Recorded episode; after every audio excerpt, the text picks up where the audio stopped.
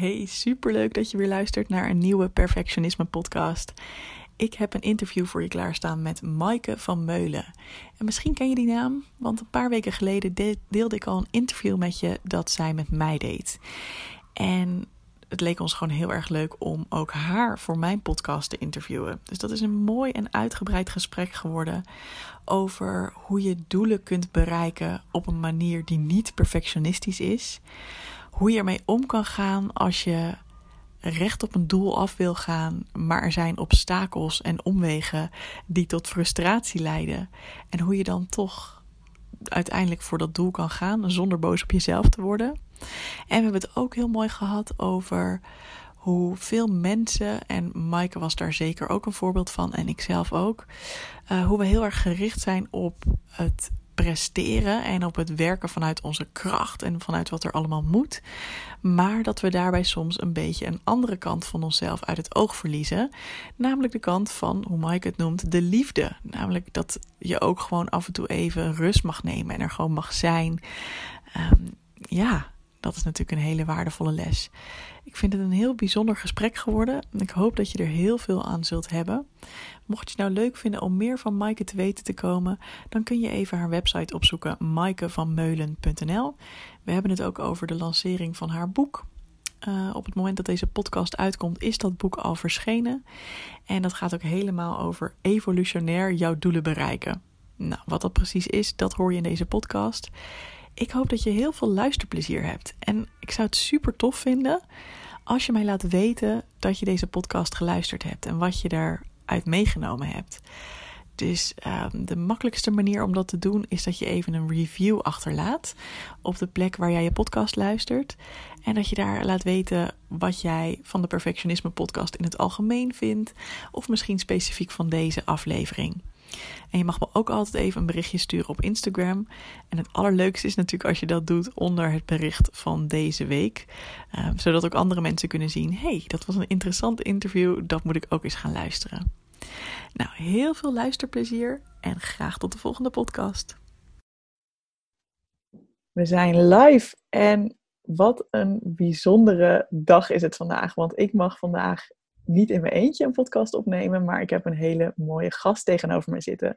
Nou, jullie kunnen haar momenteel niet zien. Ik kan je vertellen, ze ziet er prachtig uit. En ik zit hier met Maaike van Meulen. Maaike van Meulen is de creatieve veranderaar. En daar gaan we het zeker ook over hebben, wat dat betekent. Um, en zij is trainer, spreker, auteur en trendwatcher. En toen we het net al even hadden over, ja, hoe zal ik jou verder, wil jij nog iets uh, dat ik jou op een bepaalde manier voorstel, Maaike? Toen zei ze, ja, ik word ook wel de rotonde specialist genoemd voor al uw afslagen. Maaike, welkom. Ja, dankjewel. Wat leuk en fijn dat ik uh, in jouw podcastprogramma mag zijn. Leuk, ja. Ja, te gek. En laten we gewoon eens beginnen met wat betekent dat dan een rotonde specialist voor al, al uw afslagen?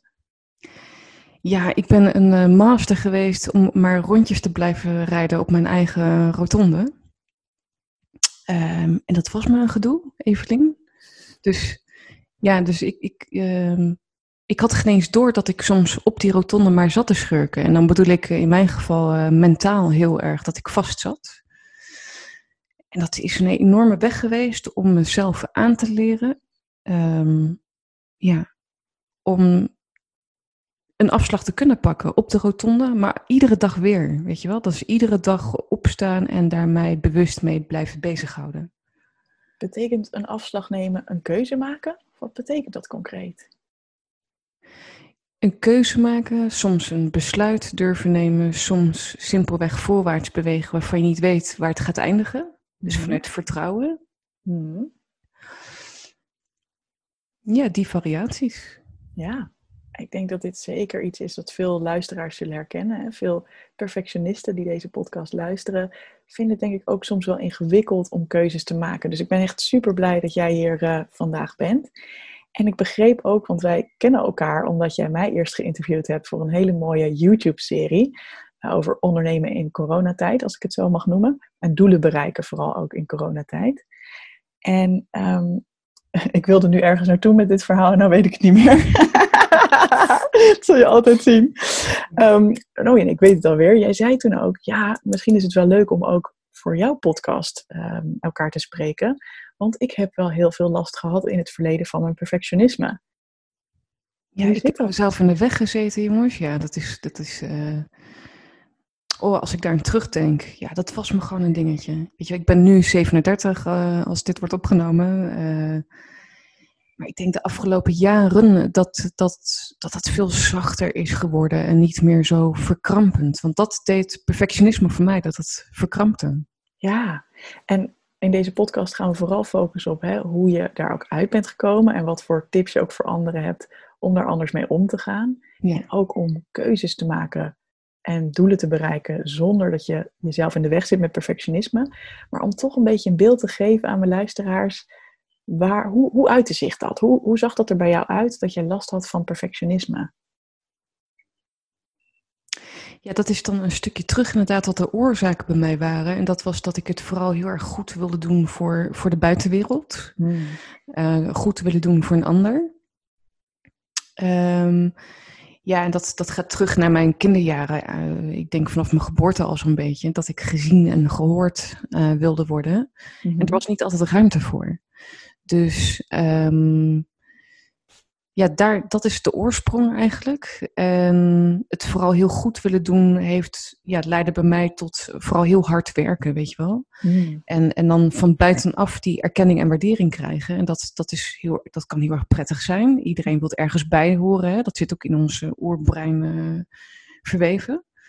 Um, maar uiteindelijk moet je toch vanuit, vanuit jezelf halen. En ik ben eigenlijk gaan kijken dat waar het eerst verkrampend werkte voor mij, perfectionisme, van heel goed willen doen en lat hoog willen leggen. Ja, dat ik dus vooral bezig was met het bewijzen aan mezelf. Ja, kun je daar een voorbeeld van geven van zo'n moment dat je merkte, oh, ik wil dit zo graag goed doen, ik verkramp hier helemaal in? Nou, eigenlijk in, in nou ja, het klinkt best wel uh, heavy misschien, maar in alles wat ik uh, deed. Hmm. Mijn eerste werkgever, uh, mijn bazin, die zei tegen mij letterlijk: Maaike, je denkt nog zelfs na over hoe je loopt. Oh ja. Maar zo, zo, zo intens was dat wel. Dus ja. ik, heb heel, ik was een soort van gevangene in mezelf. Uh, dus op een negatieve manier die, die, die perfectionisme vorm daarin. Ja, ik herken dit trouwens ook heel erg. Nu je dit zegt, ga ik ook ja. terug in de tijd voor mijzelf. En ik herinner me inderdaad dat er een fase was dat ik zelfs op straat liep. En de hele tijd het gevoel had dat ik soort van in de hoofden van andere mensen zat. En keek naar hoe ik liep, hoe ik eruit zag, hoe mijn gezichtsuitdrukking was. Ja. En dat was doodvermoeiend. Och, Evelien, maar dat is precies, ja, dat heb ik zo exact hetzelfde gekend.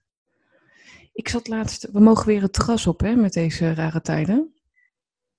En um, dat was van het weekend in een uh, pannenkoekhuis. Uh, misschien denk je, waar gaat dit naartoe? Heerlijk! Maar, en op de paden had je van die pijlen lopen, hoe je moest lopen door de mensen heen om ergens naartoe te, te om ergens toe te komen. En toen moest ik dus terugdenken aan vroeger. Vroeger was dat echt alsof ik uh, de spotlight op me had en heel de wereld naar me zou kijken. En wie denkt dan wat? En nu liep ik maar een partij relaxed daar die pijlen te volgen. Dat ik dacht, oh, dit is wel echt zo'n enorme, enorm verschil met, met, met, ja, met vroeger.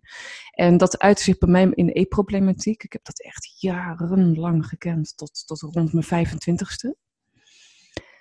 Um, ja, continu bezig in ieder detail. Doe ik ertoe? Hoor ik erbij? Wat, wat vinden mensen van me? Nou, wat jij zegt, dat is doodvermoeiend. Dat, houd je, dat hou je niet vol. Nee. nee, want als ik het dus hoor, het kwam op veel verschillende gebieden naar voren. Hè? Dus ik heb ook eerdere interviews van jou gehoord. In jouw werk wilde je het heel graag heel goed doen. Ja. En uh, als ik het zo hoor, hè, ook in misschien een sociale context, hè, van dat je denkt, oh, hoe loop ik hier rond? Hoe kijken mensen naar mij? En dus ook met betrekking tot eten. Dus daar kwam dus ook iets naar boven. Was er ook iets met eten dat jij heel goed wilde doen, of was dat het niet per se? Nee, eten is puur een uitingsvorm van een, van een, in mijn geval, een opvulling van een leegte die ik kende. Hmm. En als een vlucht. Um, dus het was echt het gevolg van, van dat soort gedrag en handelingen die ik had. Ja, en wat je zegt op alle aspecten eigenlijk in mijn leven. Ja, echt als mens. Echt als Maaike in zijn, in zijn volledigheid. Dat dat me in de greep hield. Ja, Ja. En bijvoorbeeld op het gebied van relaties, want ik herken ook al deze gebieden. Uh, ik heb zelf ook, hè, ik hoorde het jou ook zeggen in een ander interview, uh, geen eetstoornis, of tenminste niet gediagnosticeerd. Ik zou zeker zeggen dat ik wel problematisch met eten omging. Uh, dus ik herken ook al die, die facetten die je noemt. Hoe was het bij jou met betrekking tot relaties? Hoe was je daarin ook um, perfectionistisch of kwam dat daarin ook tot uiting? Met terugwerkende kracht waren mijn relaties um, ja, een opvulling van liefde wat ik zocht. Klinkt heel erg voor nee, alle, heel herkenbaar voor luisteren, maar... Nee, ik heb een paar lange relaties uh, gehad. Dus wat dat betreft ben ik wel zo'n uh, figuur die, die, die, ja, die daarvan houdt. En, en gaat voor, weet je wel, uh, zolang de liefde gevoeld wordt, ervoor gaan. Maar het was in de tijd dat ik dus die e-problematiek had en op die rotonde van mij zat te schurken.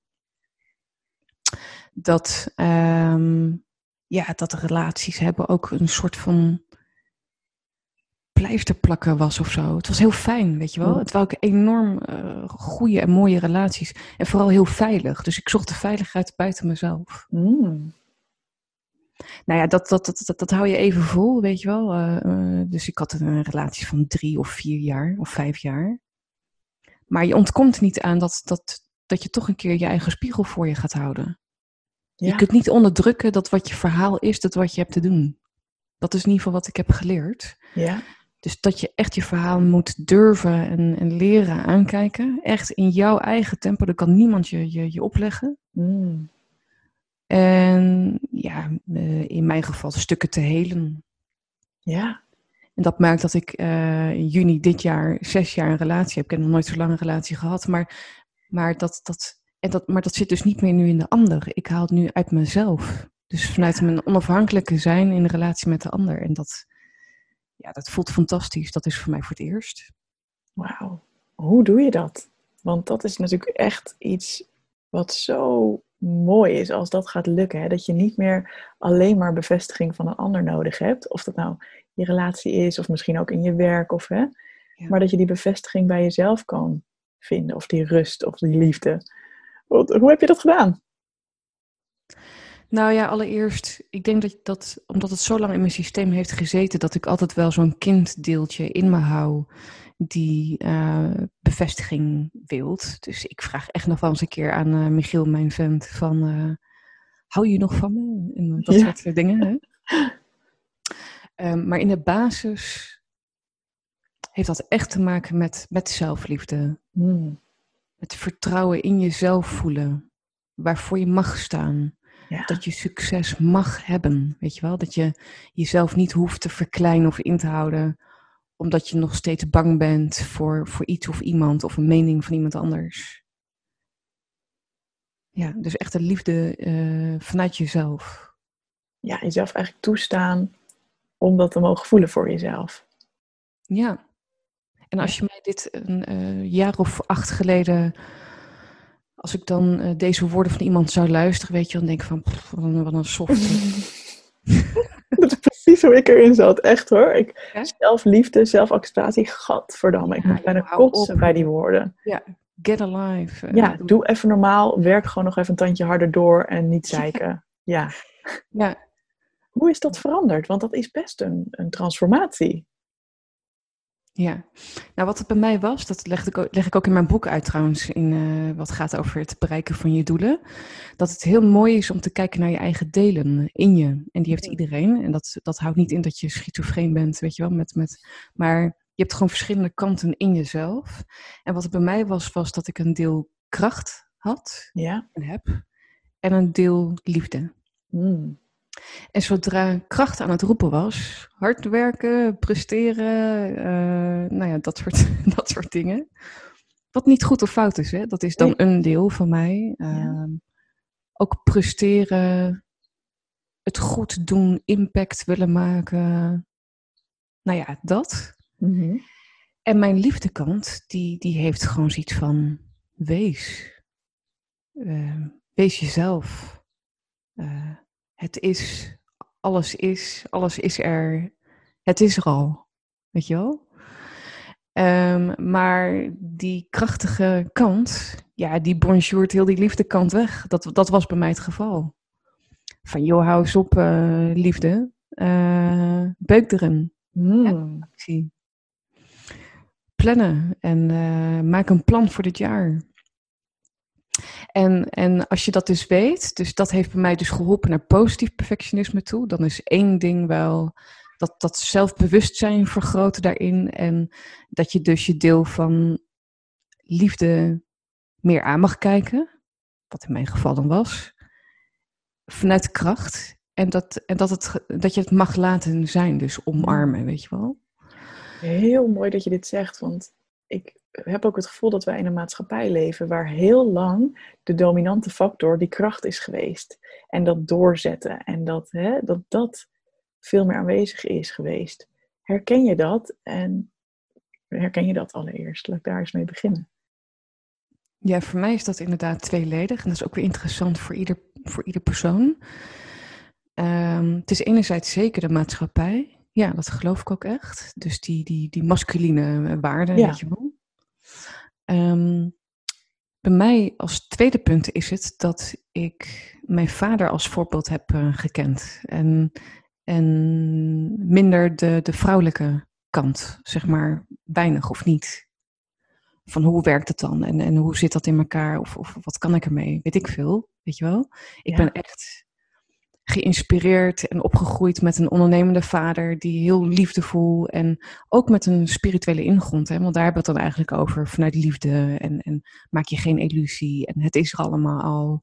Dat waren ook allemaal kanten die mijn vader in zich had. Mhm. Maar naast die krachtkant.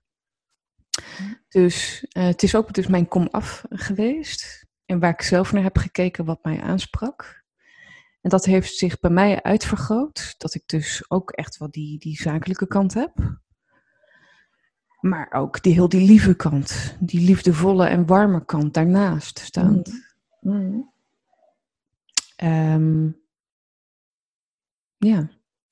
Kun jij je herinneren het moment dat jij dit begon te zien? Want ik kan me voorstellen, je zei het ook zo mooi net, op een gegeven moment kun je niet langer niet in de spiegel kijken. Hè? Op een gegeven moment dan, dan, moet je jezelf bijna wel in die spiegel aankijken.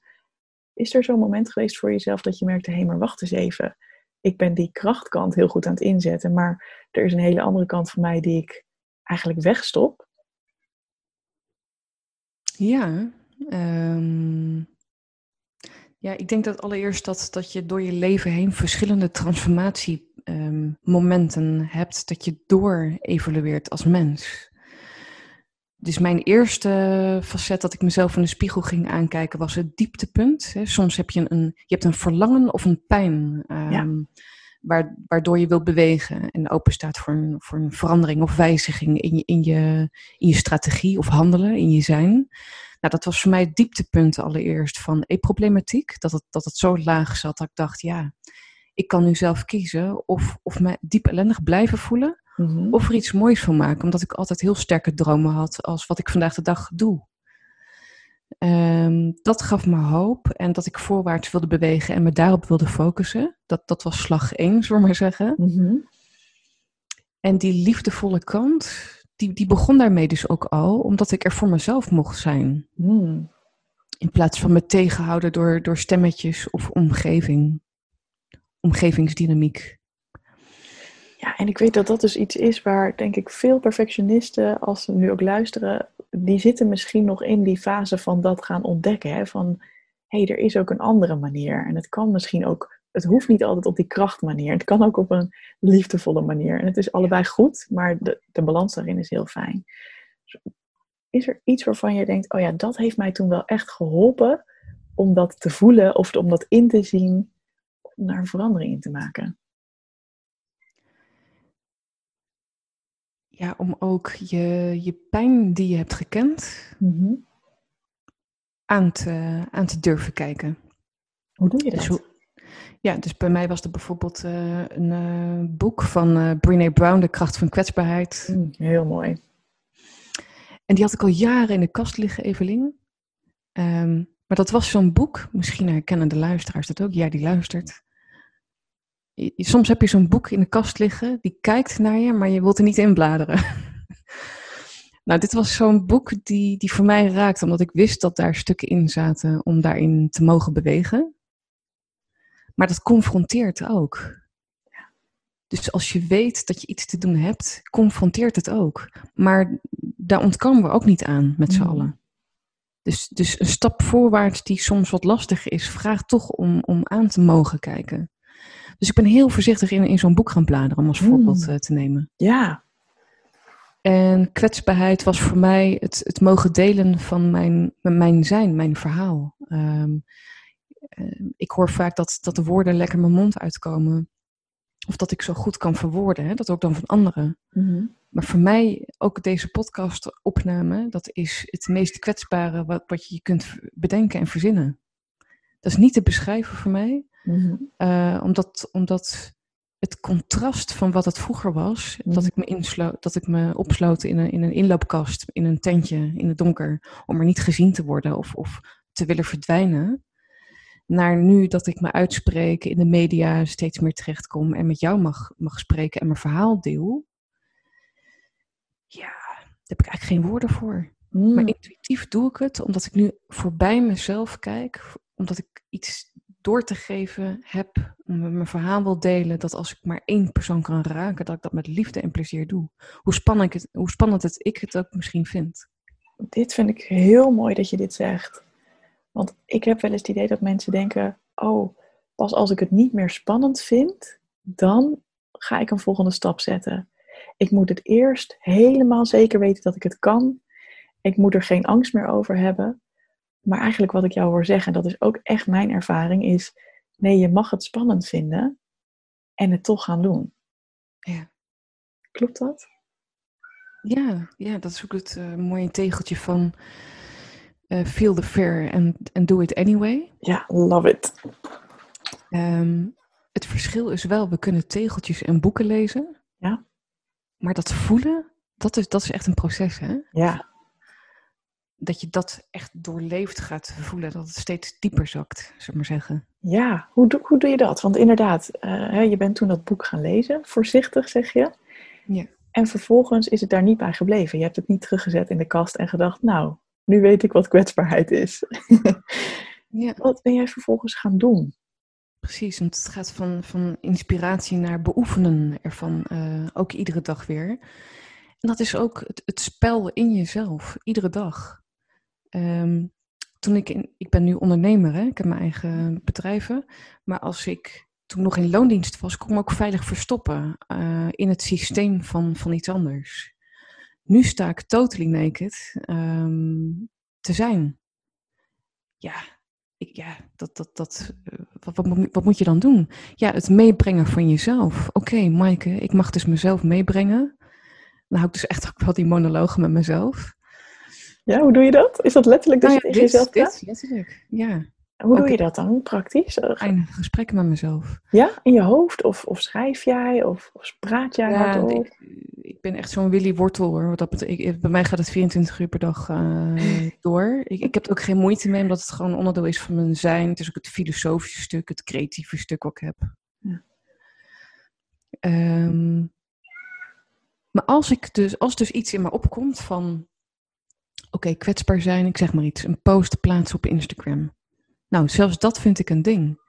Terwijl het niet zo lijkt, weet je wel. Je ziet kleur en, en, en uitspraken van me en ik, en, en, ik sta op video's. En, maar toch dus uh, dat doen zonder je te richten op een like dus van een ander ook weer. Mm. Maar dat je dus uit dat wat je te uiten hebt, puur vanuit je, je pure zijn. Wat je, wat je wil geven aan de wereld. En dan boeit het eigenlijk niet meer wie er wel of niet op reageert, omdat je het met liefde de wereld instuurt. En, en, en dan mag ik vertrouwen op dat wat is. Mm. Ja, en, de, en, en, en, en daar haken dan weer vervolgens mensen op aan of niet. En, en dat is allemaal oké. Zeg je eigenlijk dat jij jouw focus ook hebt verlegd van uh, ik moet dit heel goed doen en dat het gaat om ik wil bevestiging dat ik goed genoeg ben door dit te delen of te doen of te zeggen, naar een focus van hé, hey, wat kan dit misschien voor anderen betekenen? En dat het dan dus eigenlijk veel meer gaat om jouw, jouw visie of jouw missie en veel minder om jou als persoon. Zeg ik dat absoluut. goed? Ja, dat is absoluut. Ja, dat is zeker. Mooi. En, en als mensen dat voelen, hè, van oh, ik zit nog heel erg in dat stuk van, eh, eh, ja, maar ik ben wel bang wat mensen van me gaan vinden. Als ik dit ga zeggen of ga doen, of als ik deze stappen zet. Wat zou, wat zou mensen daarbij kunnen helpen? Het is heel erg belangrijk om, om jezelf echt te willen leren kennen als je het wil doorbreken.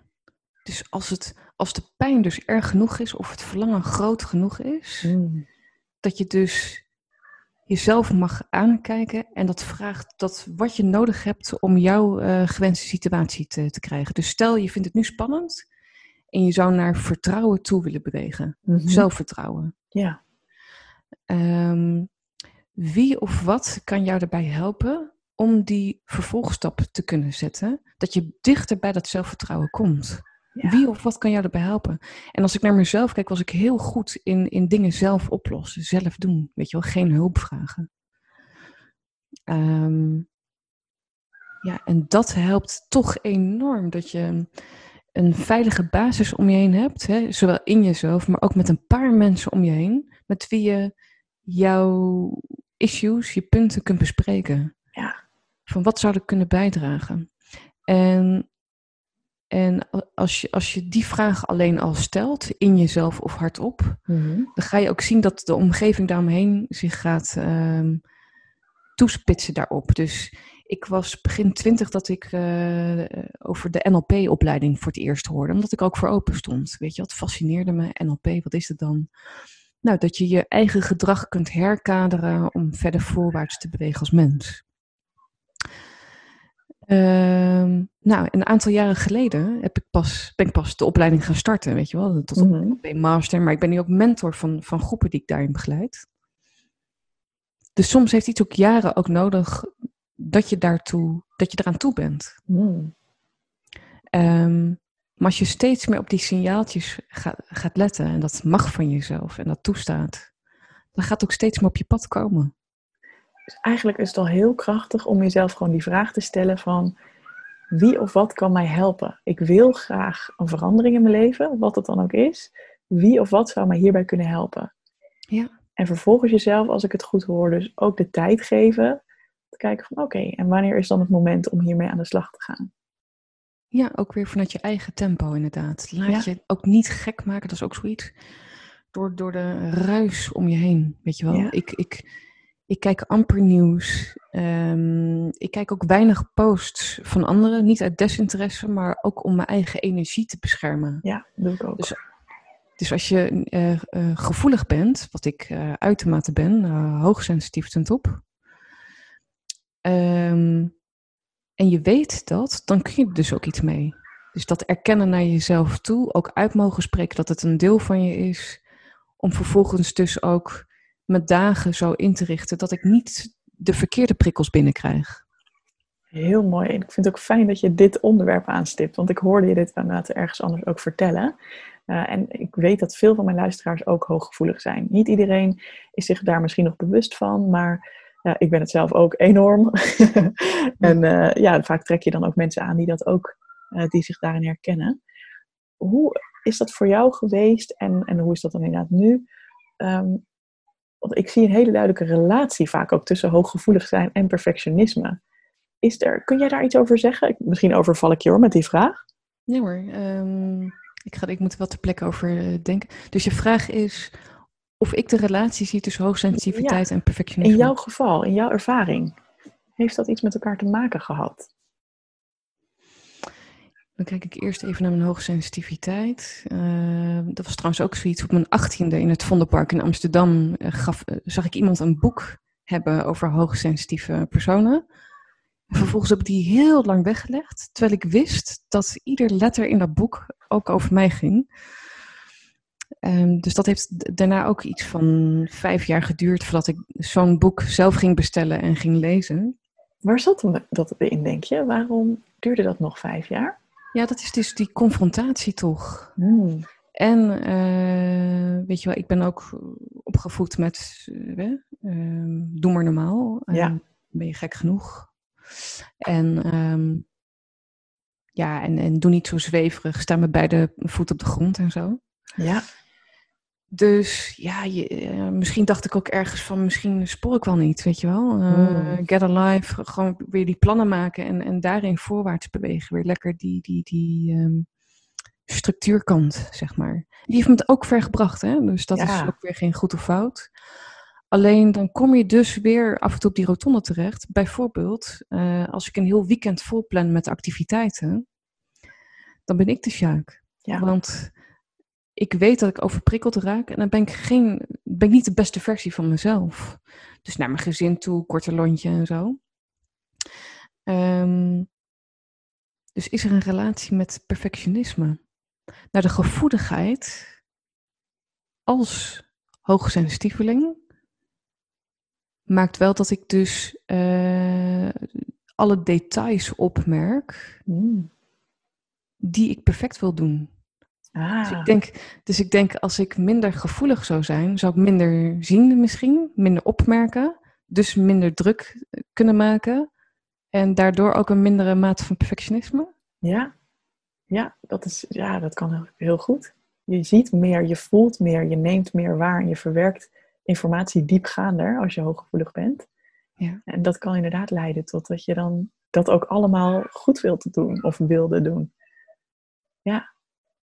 En, en, en nu, want je zegt dus inderdaad al iets heel mooi praktisch. Al, ik weet gewoon, als ik een weekend eh, helemaal vol plan, ja, dan word ik gewoon overprikkeld en dan ben ik niet meer de beste versie van mezelf. Voor mezelf, maar ook voor mijn gezin en andere mensen in mijn omgeving.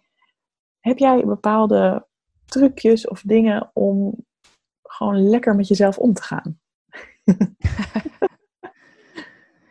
Ja, ik, ik kwam op een gegeven moment achter van, waar heb ik toch, je hebt soms mensen om je heen dat je dan in gesprek bent en dan word je helemaal eh, leeggezogen. Iedereen kent vast wel zo'n persoon dat je denkt.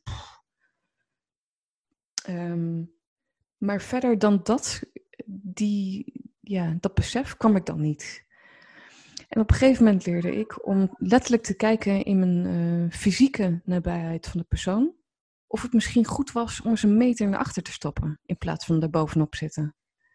Nou, ik, ik zal je zeggen, dat is echt al een, een foefje die me heel erg helpt. Eh, met name mensen die bijvoorbeeld heel ehm, negatief ingesteld zijn of destructief. Ehm, dus dat je letterlijk de ruimte in mag nemen en kijkt wat het, wat het verschil dus doet. Alles is energie. Dus dat is voor mij een heel erg belangrijke, dat ik daarmee dichter bij mezelf blijf. In het kader van, eh, dat is van de ander en, en dit is van mij. Hier sta ik. Hoe mooi, deze tip ook. Dat je gewoon letterlijk afstand kan nemen. We hebben het vaak over grenzen aangeven en ehm, hè, keuzes voor jezelf maken. Maar dit is zo praktisch. Letterlijk wat naar achter bewegen. Misschien een meter van iemand af gaan staan in plaats van heel dicht bij diegene zijn. Ja, het is heel leuk om mee te spelen, ook op een verjaardag of zo. Dat je denkt, nou, met die wil ik helemaal niet spreken. En dan, en dan sta je er toch naast. En dan, en dan, zonder dat het dus gaat verweven, een bepaalde negatieve vibe met jezelf. Dat, Mhm. dat symbiotische. Dat je dus inderdaad een relaxed stapje naar achter neemt. Ja. En dan gaat waarnemen en gaat kijken. Dat, dat is veel relaxter voor jezelf. Wauw, dit is ook bijna letterlijk een tip die ik een keer heb gekregen. En waar, wat ook voor mij echt groundbreaking is geweest. Ik zat Ja? in gesprekken met mensen, ook als het gewoon hele leuke mensen waren hoor. Ja. Zat ik altijd helemaal op het puntje van mijn stoel. Klaar om informatie van hen in me op te nemen en om energie terug te geven. En het was hartstikke vermoeiend. En ik kreeg ook terug, ja, maar dat is ook voor de ander best wel invasive, weet je wel. Je bent best wel in die andere energie ook dan. Dus ik kreeg tijdens mijn management traineeship te horen, ga gewoon eens lekker met je rug tegen de stoel aan zitten. En van daaruit laat je die ander zijn waar diegene is en ben jij waar jij bent. Oh, mooi. Dat was ook zo'n punt dat ik dacht, oh, ik mag gewoon bij mezelf aanwezig zijn met mijn aandacht. Ik hoef niet de hele tijd bij jou te zijn en in jouw energie te zitten. Want dan is het ook veel moeilijker om te voelen wat jij zelf voelt. Hè? En om te kijken, hé, waar heb ik eigenlijk behoefte aan? Of wat is er nu nodig? Ja, dat is essentieel. Oh, En, en ja, dat in iedere vezel inderdaad voel ik het ook zo. Ehm, ja. En ik moet ook zeggen, dat is bij mij extra dat die passie er enorm in zit. Van het zorgen daarmee ook voor jezelf. Ja. Dat dat dus mag, hè? dat je er Mhm. toe doet. dat is gewoon een cadeau wat je, wat je geeft aan jezelf. Mm, zo mooi. Zo mooi. I love it. Hey, en je noemde net al even jouw, uh, jouw boek dat binnenkort uitkomt. Als deze podcast live komt, is jouw boek al te bestellen. Dus mensen, ik, uh, ik zou zeggen, als je het interessant vindt, ga dan zeker uh, daarnaar op zoek. Het heet In 10 stappen evolutionair je doelen bereiken. En daar ben ik echt heel benieuwd naar. Want doelen bereiken is fantastisch. En dat zit natuurlijk ook heel erg op een bepaalde manier op die krachtenergie. Maar ik heb zo het vermoeden dat als jij het hebt over evolutionair je doelen bereiken, dat daar dan ook die andere kant bij zit. Dat liefde gebeuren. Klopt dat? Ja. ja, ja, ja. Nou, ook een stuk uh, innerlijk werk op een, op een liefdevolle wijze dat ik dat, dat, dat bied. Dus het zijn ook mini-opdrachtjes per stap die ik dan geef, eh, waar je op jouw tempo dus mee aan de slag kunt. Um, dus het is actie en, en liefde. Um, nou ja, om een voorbeeld te noemen inderdaad. Als je kijkt naar een doel, hè, dat heeft mij altijd hoop gegeven. Dus in die tijden dat ik op mijn rotonde zat te schurken, was dat wat me voorwaarts bewoog het hebben van een doel. Iets waarvan je blij wordt. Iets waarnaar je verlangt. Um, vanuit een pijn die je hebt. Um, iets leuks als je denkt aan, aan de toekomst.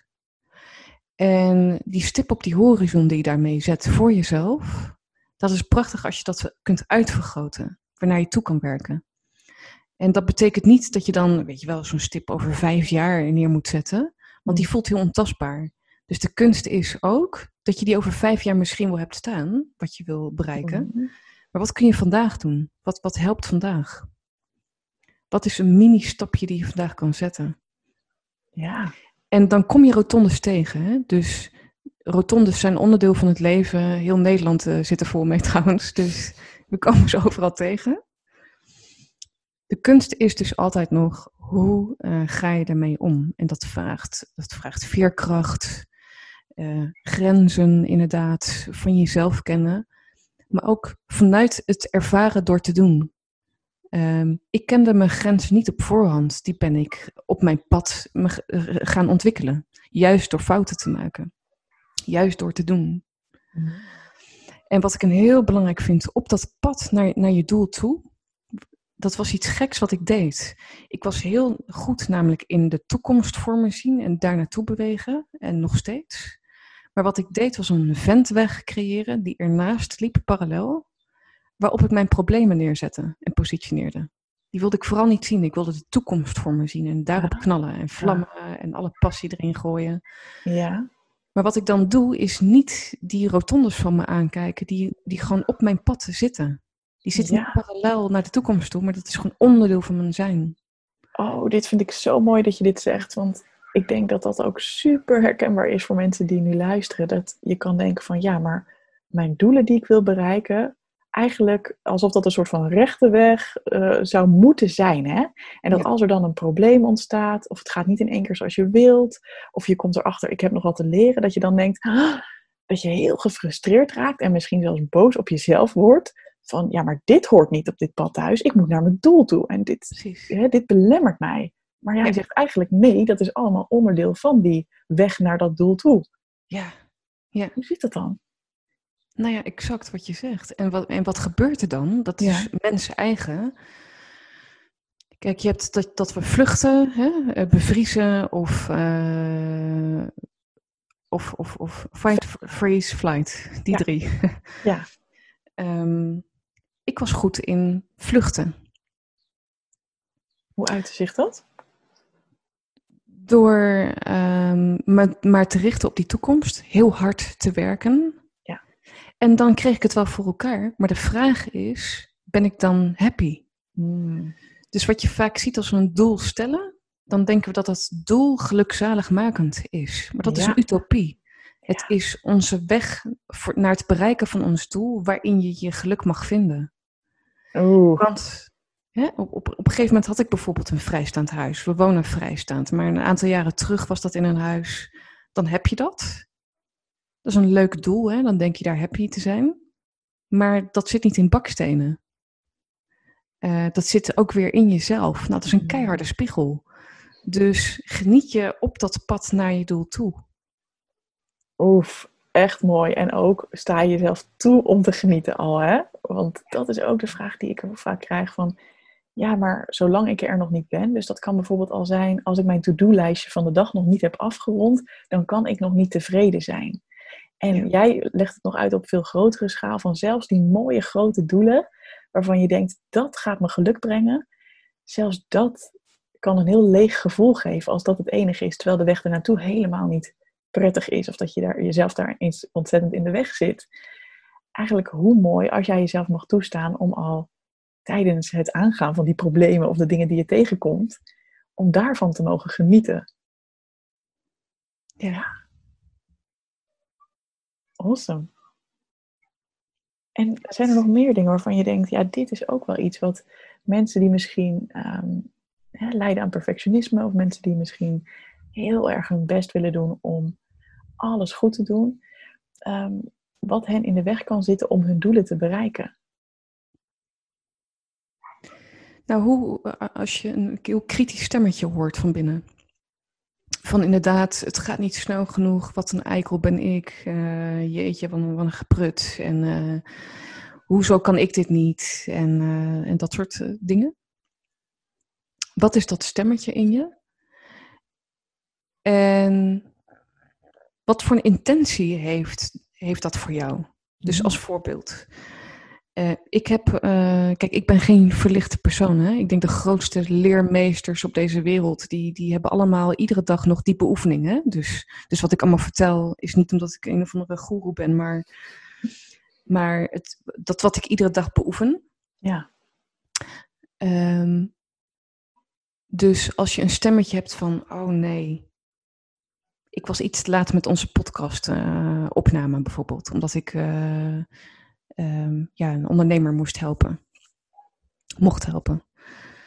Nou, dan komt er een stemmetje in me op, potverdikke me zeg. Um, ik ben van iemand, hè, afspraak is afspraak. Het moet erop zitten, dat is professioneel. En, en netjes en, en aardig. Nou, dat is een hele zin al, hè? Dan begint je dag mhm. al lekker. dus, dus wat kan ik vervolgens tegen mezelf zeggen? Kijk, dat wat, ik, dat wat mijn intentie er eigenlijk mee is, is dus goed in, in, in principe. Want ik wil de beste versie van mezelf zijn en geven aan, aan jou en de luisteraars. Dus het vraagt reflectie om naar jezelf te kunnen kijken in dat moment. Met zo'n kritisch stemmetje die je hebt. En dat je jezelf mag vragen: wat mag ik hier mezelf in geven? Kijk, sommige situaties ontstaan nou eenmaal in dit geval. Iets onvoorspelbaars dat het helaas gebeurt. Maar dan mag ik nog wel lief voor, naar mezelf toe zijn. Ik hoef mezelf niet af te breken. Oeh. Hoe doe je dat? Lief zijn naar jezelf op het moment dat je eigenlijk zo'n kritisch stemmetje hebt dat zegt: Ja, Maaike, afspraak is afspraak. Je bent nu wel later dan je had beloofd. Hoe doe je dat dan toch om dan lief voor jezelf te zijn? Nou, de woorden die ik nu letterlijk uitspreek, die zeg ik op dat moment al tegen mezelf. Nou, dat is volgens mij al iets heel groot, want daarmee erken je je eigen kritische stem. Ja. Om vervolgens ook tegen mezelf te zeggen: Maaike, je doet het naar eer en geweten ik weet dat ik, dat ik een goed mens ben, dat ik een goed hart heb, dat ik wil geven. Ik wil alleen maar geven aan, aan anderen, aan jou, aan, aan mensen die kijken, luisteren, bedoel ik. Um, ik mag erop vertrouwen dat, dat dit goed uitpakt. Um, en dan kan ik niets anders doen dan nu Evelien even bellen. Uh, van jongens, luisteren, dit is de situatie. Wat vind je ervan? Voelt het goed voor jou? Is het oké als we iets later starten? Nou, was voor jou oké. Jij reageerde heel rustig. Was allemaal goed. Je had er begrip voor. En dan mag je het laten zijn. Ja. Dan, dan mag je het laten zijn. Ja. Heel mooi. Heel mooi. Want ik weet zeker dat hier, over dit specifieke voorbeeld, heel veel mensen zullen zijn die denken: oh, ik zou op dat moment wel heel boos op mezelf zijn geworden en het moeilijk van me af hebben kunnen schudden. Terwijl nu jij ook tegen jezelf hebt gezegd: Oké, kan gebeuren, het mag zo zijn, kun jij hier denk ik ook veel rustiger zitten. Ik heb geen enkel probleem hiermee, want ik had de ruimte, dus het was totaal geen issue.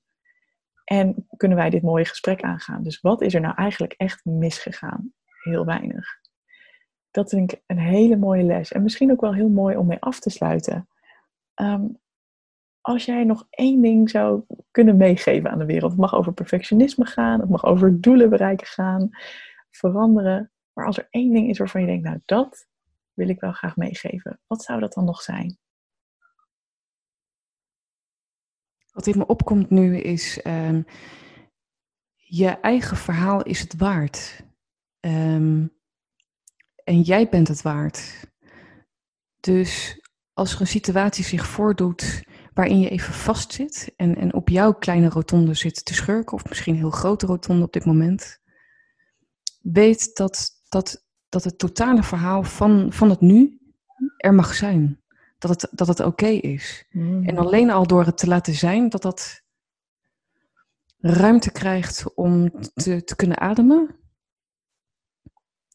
Ehm, om vervolgens te kijken, wat mag ik mezelf geven om, om me wat beter te voelen dan op deze rotonde? Omdat je het waard bent. Wauw. Heel mooi. Dankjewel voor deze fantastische woorden. Dankjewel voor dit hele mooie interview ik voel gewoon dat dit heel veel waarde gaat geven aan mensen. En daar word ik heel gelukkig van. Dus thanks for your time. Ja, heel erg graag gedaan. Dankjewel. Hey, vond je deze podcast te gek? Check dan zeker even mijn online programma Goed Genoeg, speciaal voor perfectionisten. Want heel eerlijk, in je eentje kun je ook een heel eind komen met het loslaten van je perfectionisme. Maar als je meedoet aan dit programma, heb je alle tools in handen om veel sneller deze ontwikkeling door te maken. Ga naar doelgerichtecoaching.nl/slash goed genoeg en wie weet zie ik je binnenkort.